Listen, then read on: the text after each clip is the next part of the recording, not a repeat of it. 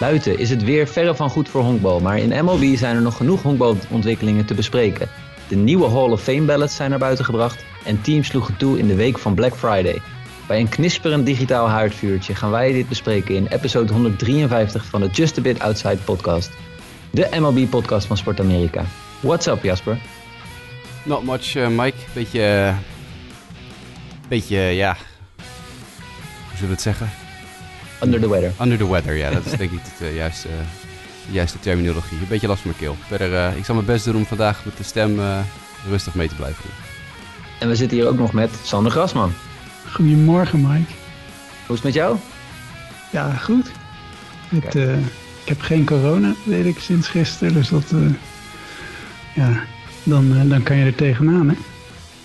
Dat, weer, dat stelt weer gerust.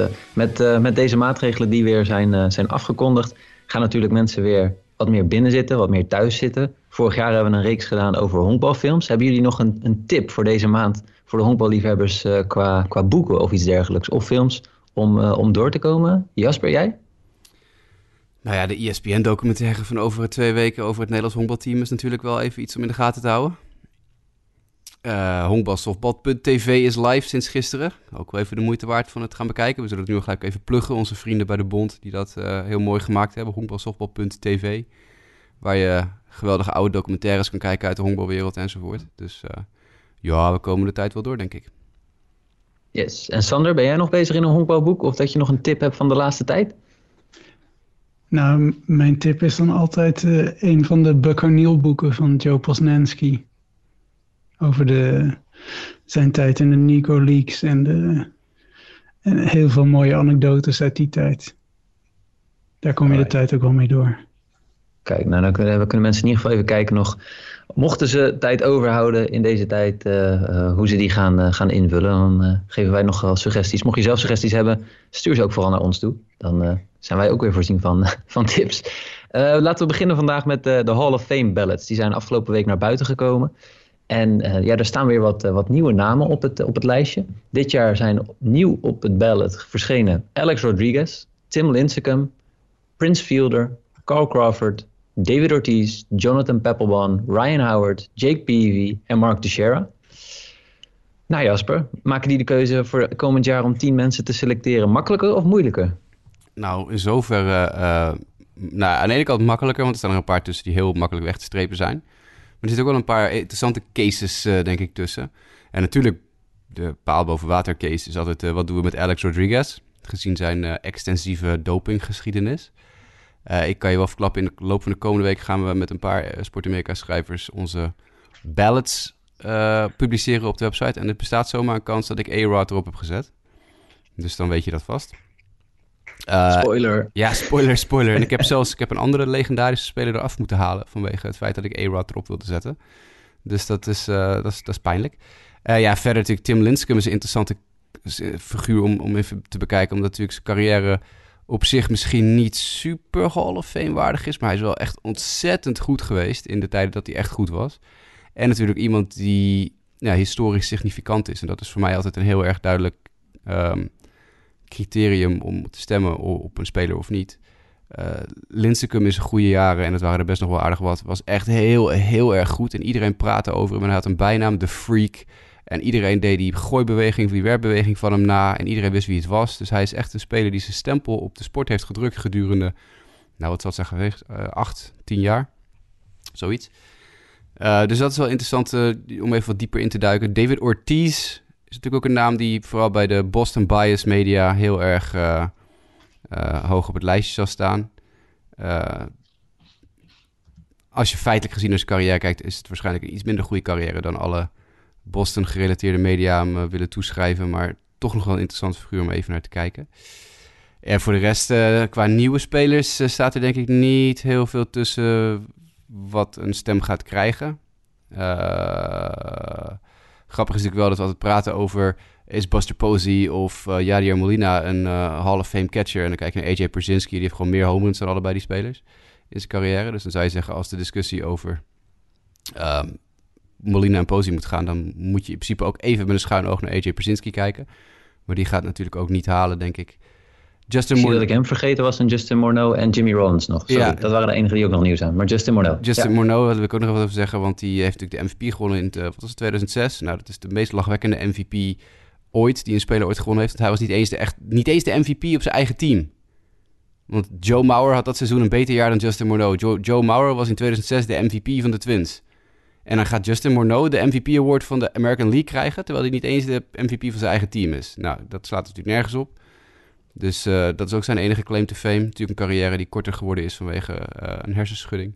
Dus dat is altijd heel sneu. Jimmy Rollins is ook uh, een goede speler, maar geen Hall of Famer. En de rest, ja, Prince Fielder. Ik, heb, ik vind Prince Fielder geen Hall of Famer, maar ik zag wel van de week een paar mensen op Twitter al zeggen dat hij wel op het lijstje moet staan. Dus ja, goed, dat, daar kan je ook nog over discussiëren. Ik vind Prince geen Hall of Famer. Maar... Misschien is het ook wel interessant om te noemen dat er vier spelers voor het laatst dit jaar op de ballot zullen staan. Dat zijn Barry Bonds, uh, Kurt Schilling, Roger Clemens en Sammy Sosa.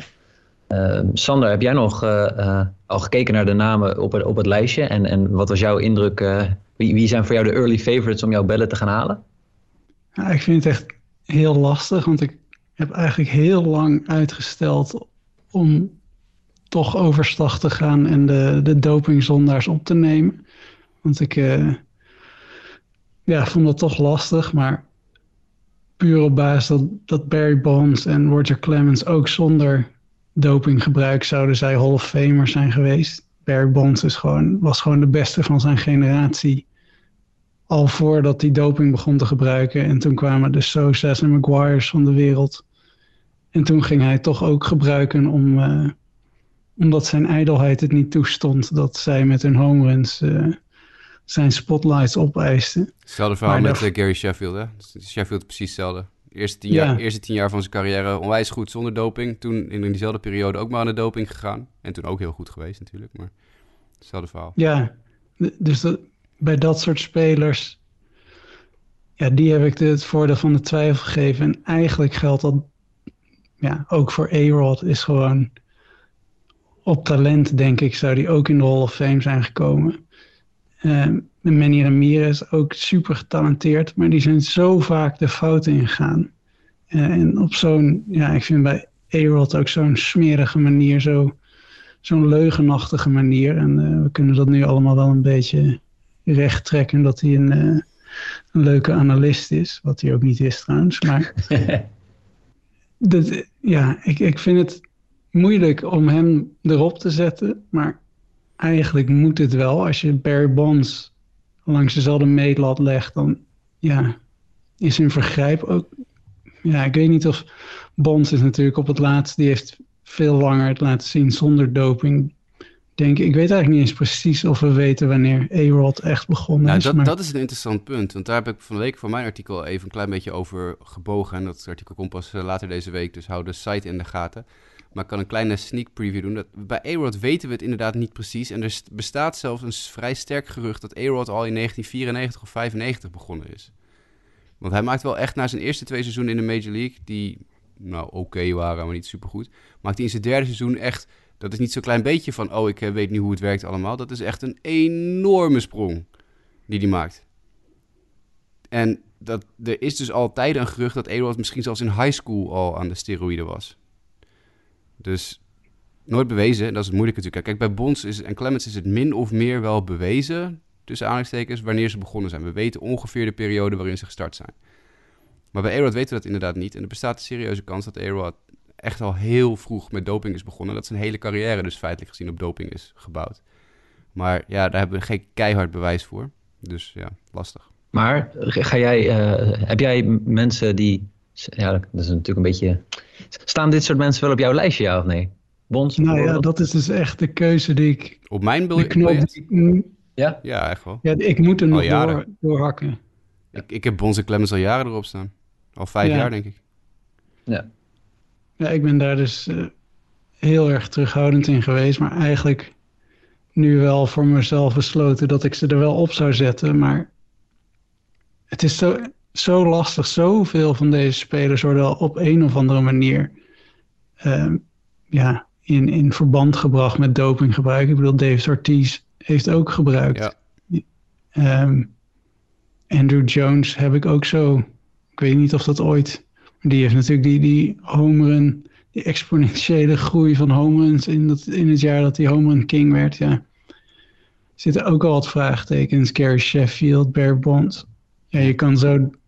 Ik denk de tien beste spelers zijn ook allemaal dopingzondaars. Andy Pettit, Alleen... vergeet Andy Pettit niet. Ook uh, nee, toegegeven maar... doping. Uh, maar ja, goed. Die, die, staat ook absoluut niet op mijn lijstje. Nee, zeker niet. Nee. Die had ook maar, ik maar... geloof wat 8% van de stemmen vorig jaar of zo. Maar... Oké, okay, maar nog een heel ik, ik probeer niet specifiek iets te, uh, hoe zeg je dat, te ontkrachten of iets dergelijks. Maar neem bijvoorbeeld Vlad Guerrero Jr. nu. Ik ga niet zeggen dat hij gebruikt. Maar gewoon even de jump die hij maakt van zijn eerste twee seizoenen. Nu naar een seizoen met bijna 50 home runs. Dat zou je vergelijkbaar kunnen noemen met iemand als Alex Rodriguez.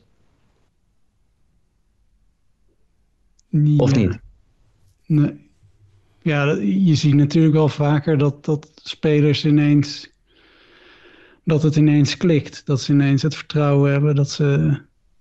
Dus ik denk dat een enorme groei in home runs, zeker op jonge leeftijd, eh, niks per definitie hoeft te zeggen. Ik denk ook daarom is het ook nu geruchten rond A-Rod. Maar A-Rod heeft natuurlijk later in zijn carrière wel bewezen absoluut niet uh, vals spelen te schuwen. Ik weet niet hoe vaak die uh, bij hoeveel dingen die wel niet betrokken is. Maar volgens mij sowieso op twee aparte momenten. Manny Ramirez is volgens mij zelfs drie keer betrapt, als ik uh, zeg ik uit mijn hoofd. Ja, ja dat, dat soort jongen, dat is wel een andere gradatie dan een Ortiz, dan een uh, Barry Bonds, die het later in zijn carrière enorm heeft goed gemaakt, dat dopinggebruik. Maar wel gewoon aangetoond heeft, ik ben gewoon fantastisch goed. Want dat was hij gewoon.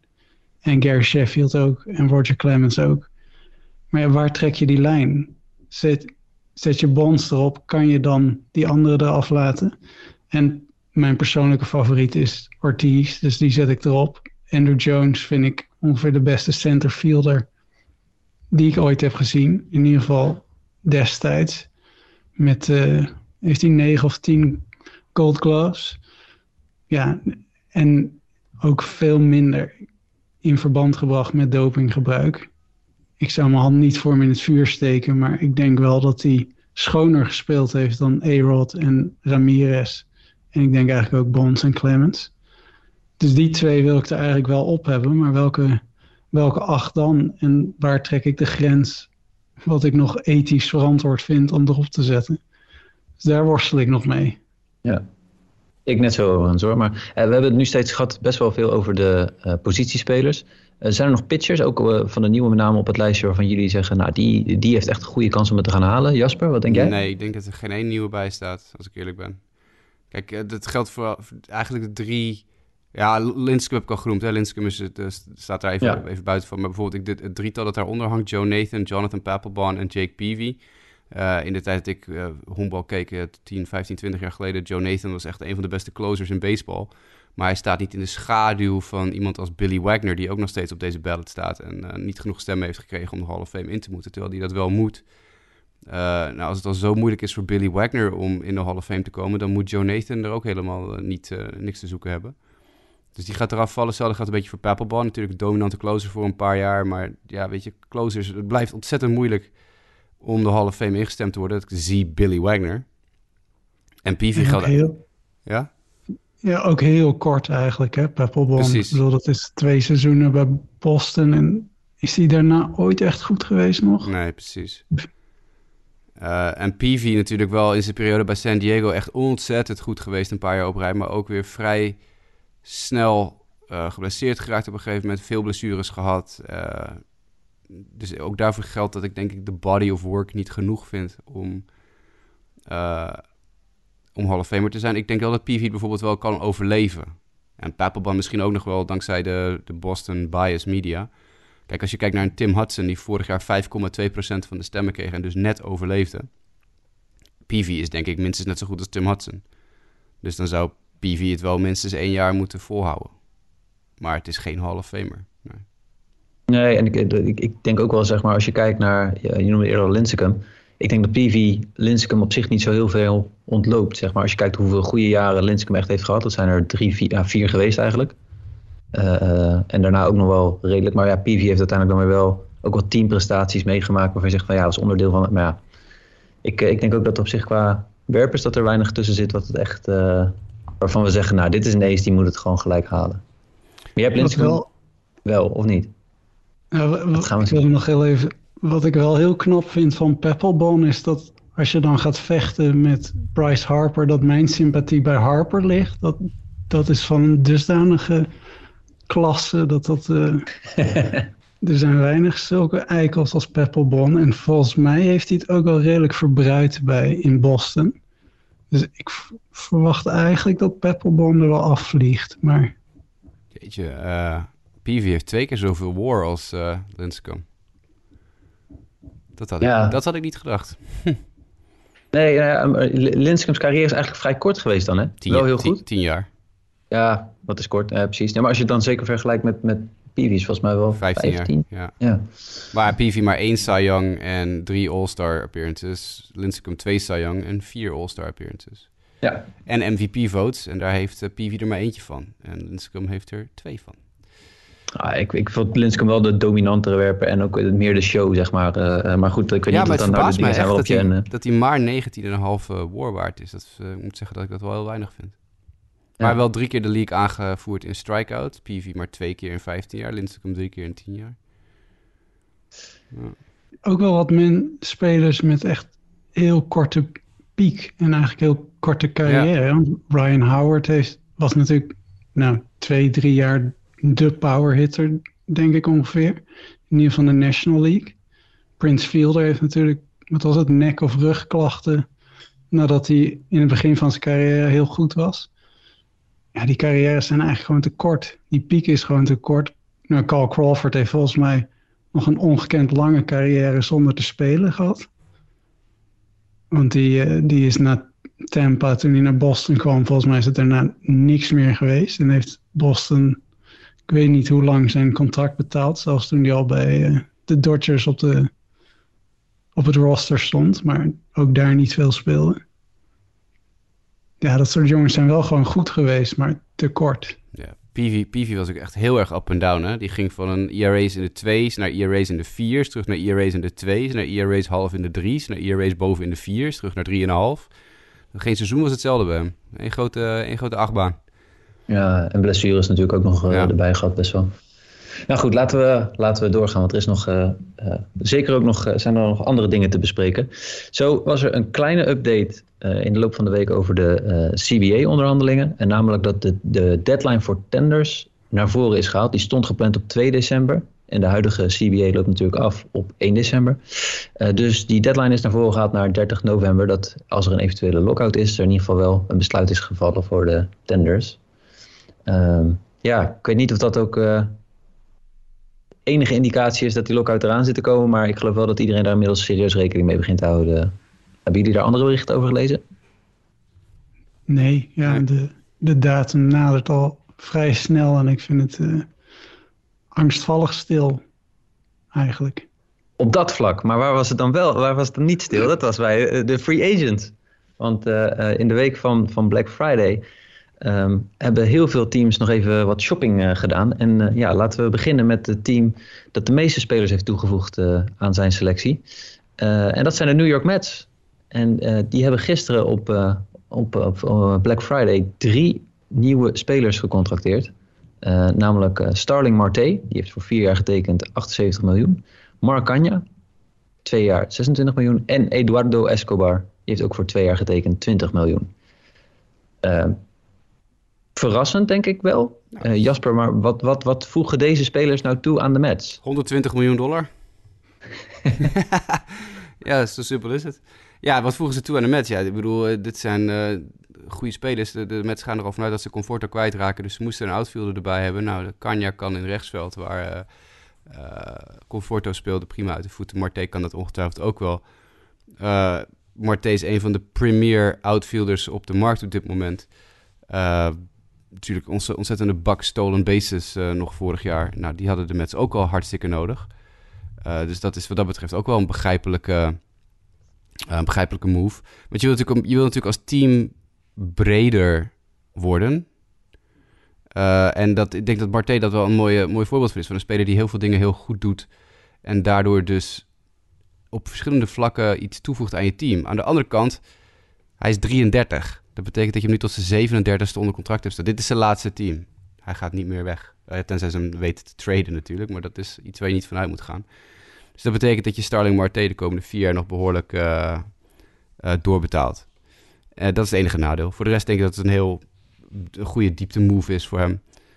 Kanja, ik vind twee jaar 26 miljoen aan de prijs voor Mark Kanja, maar het is wel een goede speler. En Eduardo Escobar 22 miljoen, ja, dat is wat hij ongeveer ingeschat was door MLB-TR, dat hij dat zou krijgen. Tussen de 9 en 12 miljoen, geloof ik, stond er op, uh, op MLB-TR per jaar. Ja, uh, het, het zijn geen sexy namen. Ah, Marte is dan misschien wel echt wel een goede speler, maar het zijn wel spelers die heel weinig fout doen.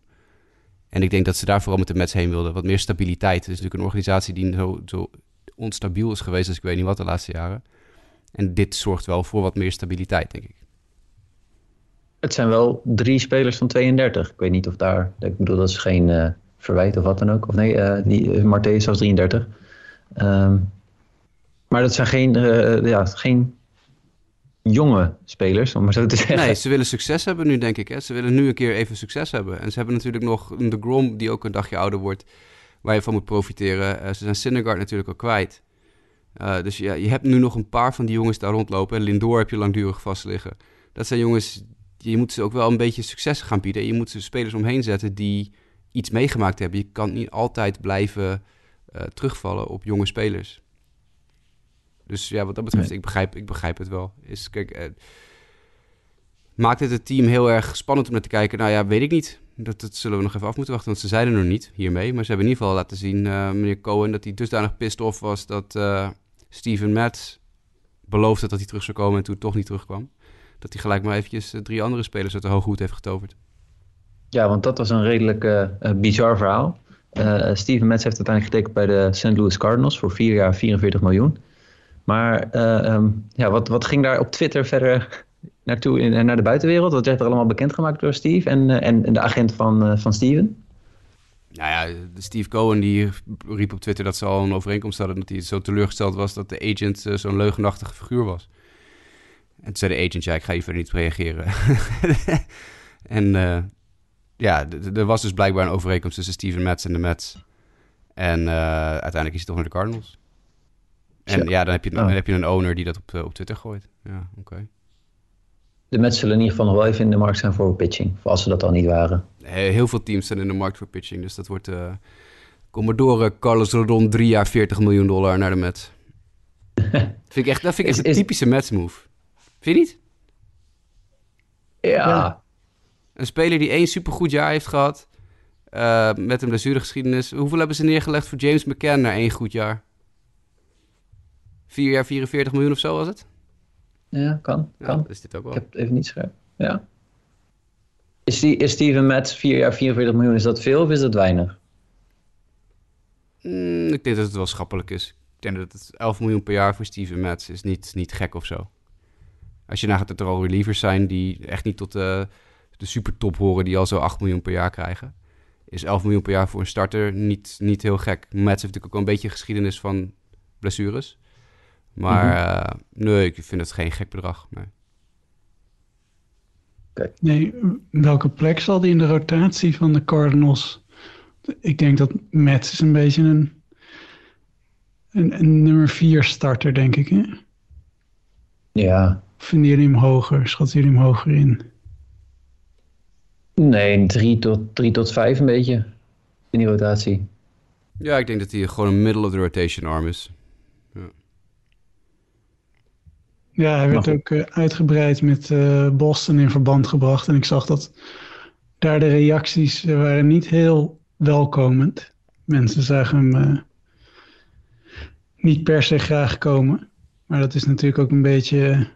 Nou, we komen straks bij Michael Wakker. Zullen die... zullen dat nou, pak maar door. Ja, precies. Die, die heeft natuurlijk net een, een eenjarige deal getekend. Volgens mij ook voor 11 miljoen.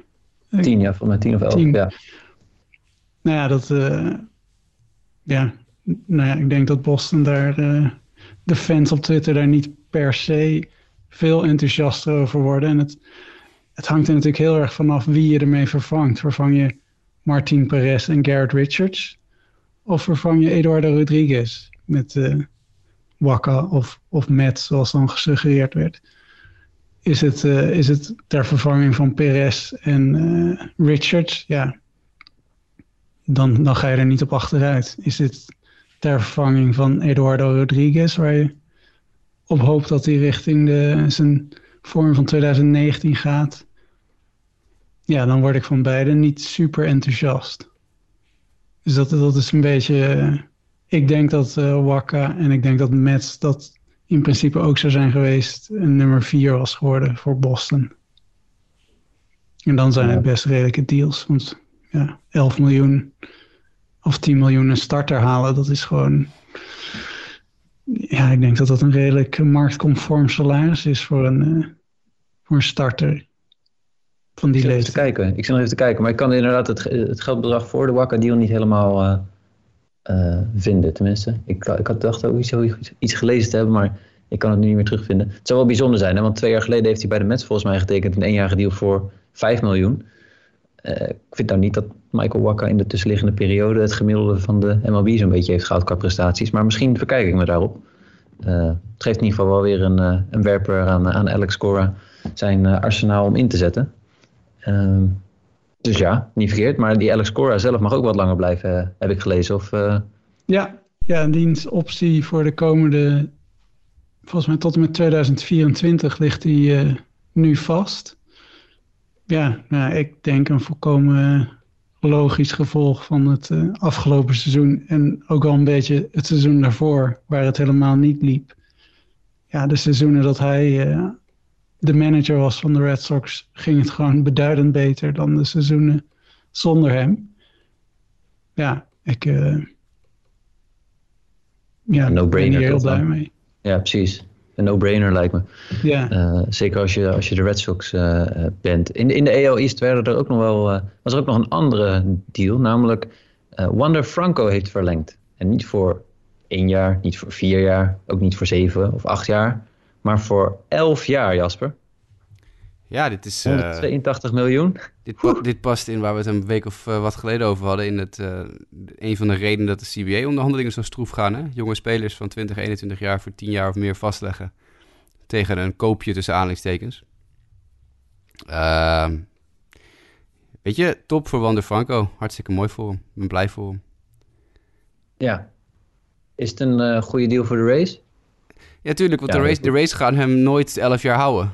We weten allemaal nee. hoe de race werken. Die houden hem nu acht jaar of zeven jaar vast als hij het een beetje goed doet. En traden hem dan voor een prospectkapitaal. Die ze dan over je vijf jaar daarna weer een tienjarig contract kunnen geven.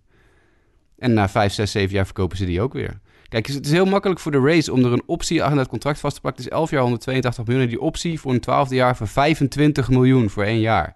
En die kunnen ze er makkelijk achter plakken, want die gaan ze toch niet moeten betalen. Nee. Wander Franco speelt over 12 jaar, 11 jaar echt niet meer bij de race.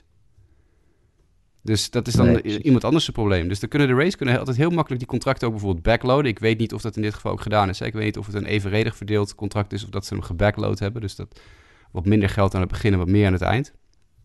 Maar het zou een typische race move zijn om inderdaad te zeggen... nou, de eerste vijf jaar heb je kleine toename in geld... en dan klappen we het absolute zwaartepunt in de laatste zes jaar... plus die dikke optie eroverheen.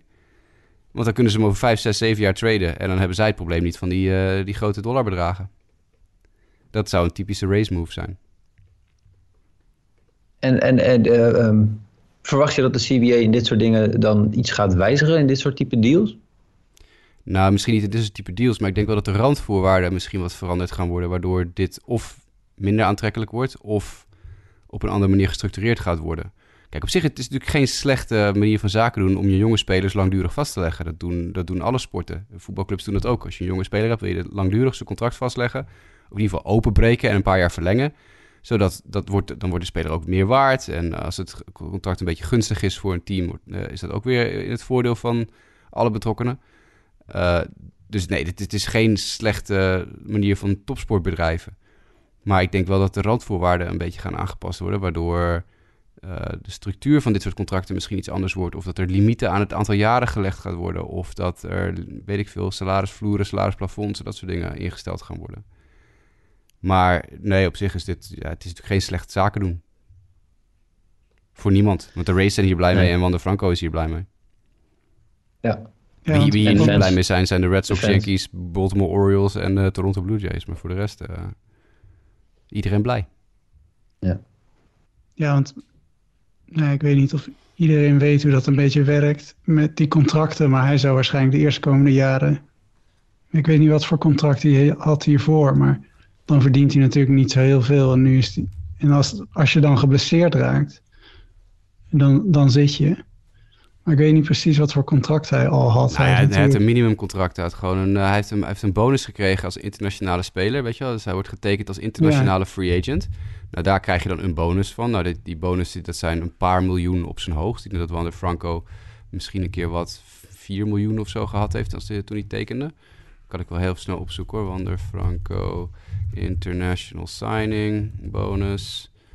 Eh, hij kreeg 3,8 miljoen. Nou, wat zei ik? 4. Ja. Oké, dat is flatsen. Eh, dat is wel de top hoor. Dat is, eh, de, de- Ja. dit, dit soort jongens, jonge jongens. Hij was 16 toen hij bij de raceorganisatie tekende voor 3,8 miljoen. Dat is wel een beetje de top. Eh, kijk, een Louis Robert kreeg 26 miljoen. Maar dat was een, een oudere speler die niet onder die jeugdregels viel. Dus die kan dan ongelimiteerd free agency geld tekenen. Nou, hij kreeg, eh, even kijken, in 2021. Ja, het is gewoon, het is gewoon een standaard contract. Gewoon een basis, een minimumloon. En hij Dus dat, dat is dan volgens mij een half miljoen, toch? Of zoiets? ja, per seizoen? 525.000 zeg ik even uit mijn hoofd. Ik kijk even bij zijn career earnings. Nee, het was zelfs nog minder. Het was 300, hij had een minor league minimumcontract. 315.000 euro. eh, do- dollar. Dus hij heeft tot, Ja. tot nu toe 4 miljoen verdiend in zijn leven. Namelijk die 3,8 miljoen signing bonus plus de 315. Ja, het is, het is- nee, het is niet waar. Het is, het is een, ma- een major league minimum salaris. Maar alleen voor de dagen dat hij in de major league zat. Hij heeft natuurlijk geen heel seizoen in de major league gedraaid. Ja. Dus daar blijft dan nog 315.000 dollar van over. Dus dat is het enige dat hij verdiend heeft eh, in zijn carrière. En vanaf volgend seizoen verdient hij volgens deze pagina eh, 16 miljoen in zijn eerste jaar. Staat hier. Luxury tax salary in 2022 is 16 miljoen. Dat is Ja. aardig wat. Dat had hij natuurlijk nooit gekregen als hij geen contract is. Ja, het is gewoon op die manier zoals het gestructureerd is, dat die salarissen die eerste jaren, terwijl spelers tegenwoordig soms echt met zo'n knal de, de Major League bestormen. Voor hen is het gewoon heel gunstig om het risico af te, af te laten kopen dat ze geblesseerd kunnen raken die eerste jaren en ineens met heel weinig achterblijven. Ja, daar, ja, volgens mij moet daar ook iets aan ge- gedaan worden. Ja, als hij inderdaad eh, 16 miljoen krijgt, dus dan zou het contract evenredig verspreid worden over die 11 jaar. Dan is hij meteen de duurste speler binnen de race. Want. Kevin Kiermaier is de ene duurste met 12 miljoen per jaar. Nou goed, Ja. in ieder geval eh, een hoop winnaars in deze deal. Toch? Laten we eh, doorgaan. Er zijn op dit moment ook nog eh, geruchten op Twitter vooral zeg maar, over dat de New York Yankees in de markt zouden zijn voor Andrelton Simmons. Eh, we houden het eh, in de gaten. Er is nog geen eh, bevestiging voorbij gekomen, dus eh, wellicht dat dat eh, slechts een gerucht is. Eh, en de White Sox hebben ook een, eh, een speler erbij, Jasper. Ja, Kendall. Kendall Graveman. De White Sox willen gewoon alle, alle closers hebben blijkbaar. Nadat ze natuurlijk al vorige winter Liam Hendricks als free agent binnenhaalden... en nog een trade hadden voor Craig Kimbrell... hebben ze nu Kendall Graveman, die natuurlijk de closer van de Seattle Mariners was... en toen aan het einde van de bullpen bij de Houston Astros zat aan het einde van, de, van het seizoen. Ja, weet je, give me all the closers, denk ik. Drie jaar 24 miljoen, 8 miljoen dollar per jaar. Niet gek, denk ik, voor een speler die vorig jaar echt waanzinnig goed was. Ehm, alleen ja, dit gaat je, doet je wel denken van wat gaan ze nu doen met Kimbrel. Want die wilden ze traden, dat hebben ze gewoon openlijk gezegd. Eh, en dit is natuurlijk wel een signaal dat ze dat echt ook van plan zijn. Dus ehm, weet je, hij, eh, hij was hartstikke goed vorig jaar. Echt, echt fantastisch. Eh, 0 0,82 ERA in 30 wedstrijden voor Seattle vorig jaar. Eh 3,13 ERA met de Astros in 23 wedstrijden. Hij zal waarschijnlijk de setup man worden voor Liam Hendricks. Maar dat betekent wel echt dat Craig Kimbrell met zijn 16 miljoen of 18 miljoen dollar... wat, hij ook krijgt eh, dit jaar, eh, weg moet. Om even wat, eh, wat geld eh, vrij te maken ook. Maar het is ook wel weer een teken misschien dat de White Sox... voor de verandering eens een keer geld gaan besteden. Gaan investeren. Want dat hebben ze natuurlijk nooit echt gedaan. En dit is, ze zitten nu al op de hoogste payroll in de geschiedenis van de club. Dus Ergens heb ik het vermoeden dat jij nog wel wat namen op je lijstje hebt staan voor de kerst. Eh, Ik heb, eh, ja, ik heb een hele rij. Ik wil Marcus Semien hebben, ik wil Robbie Ray hebben. Maar ik denk dat 29 andere teams dat ook wel zouden willen. ja. ja, precies. Nee, dat, dat wordt nog, eh, dat, dat wordt nog lastig eh, om op die manier. Ja, de punt is eh, ook, heel veel mensen zeggen ook over heel veel mensen die de White Sox volgen zeggen, ja, Graveman dat is dan de vervanger, wordt de vervanger van Kimbrel, dus dat betekent dat ze hem gaan verkopen. Ja, dat kan. Maar aan de andere kant, Kopek, Michael Kopek zit nu in de rotation vanaf volgend jaar, dat is al aangekondigd. Dus je kan ook zeggen, nou, Graveman is de vervanger van Kopek. En dan heb je dus nog steeds Kimbrel, waar je iets mee moet. Dus ja, net sowieso de White Sox hebben echt boep en echt, echt veel boep en armen nodig.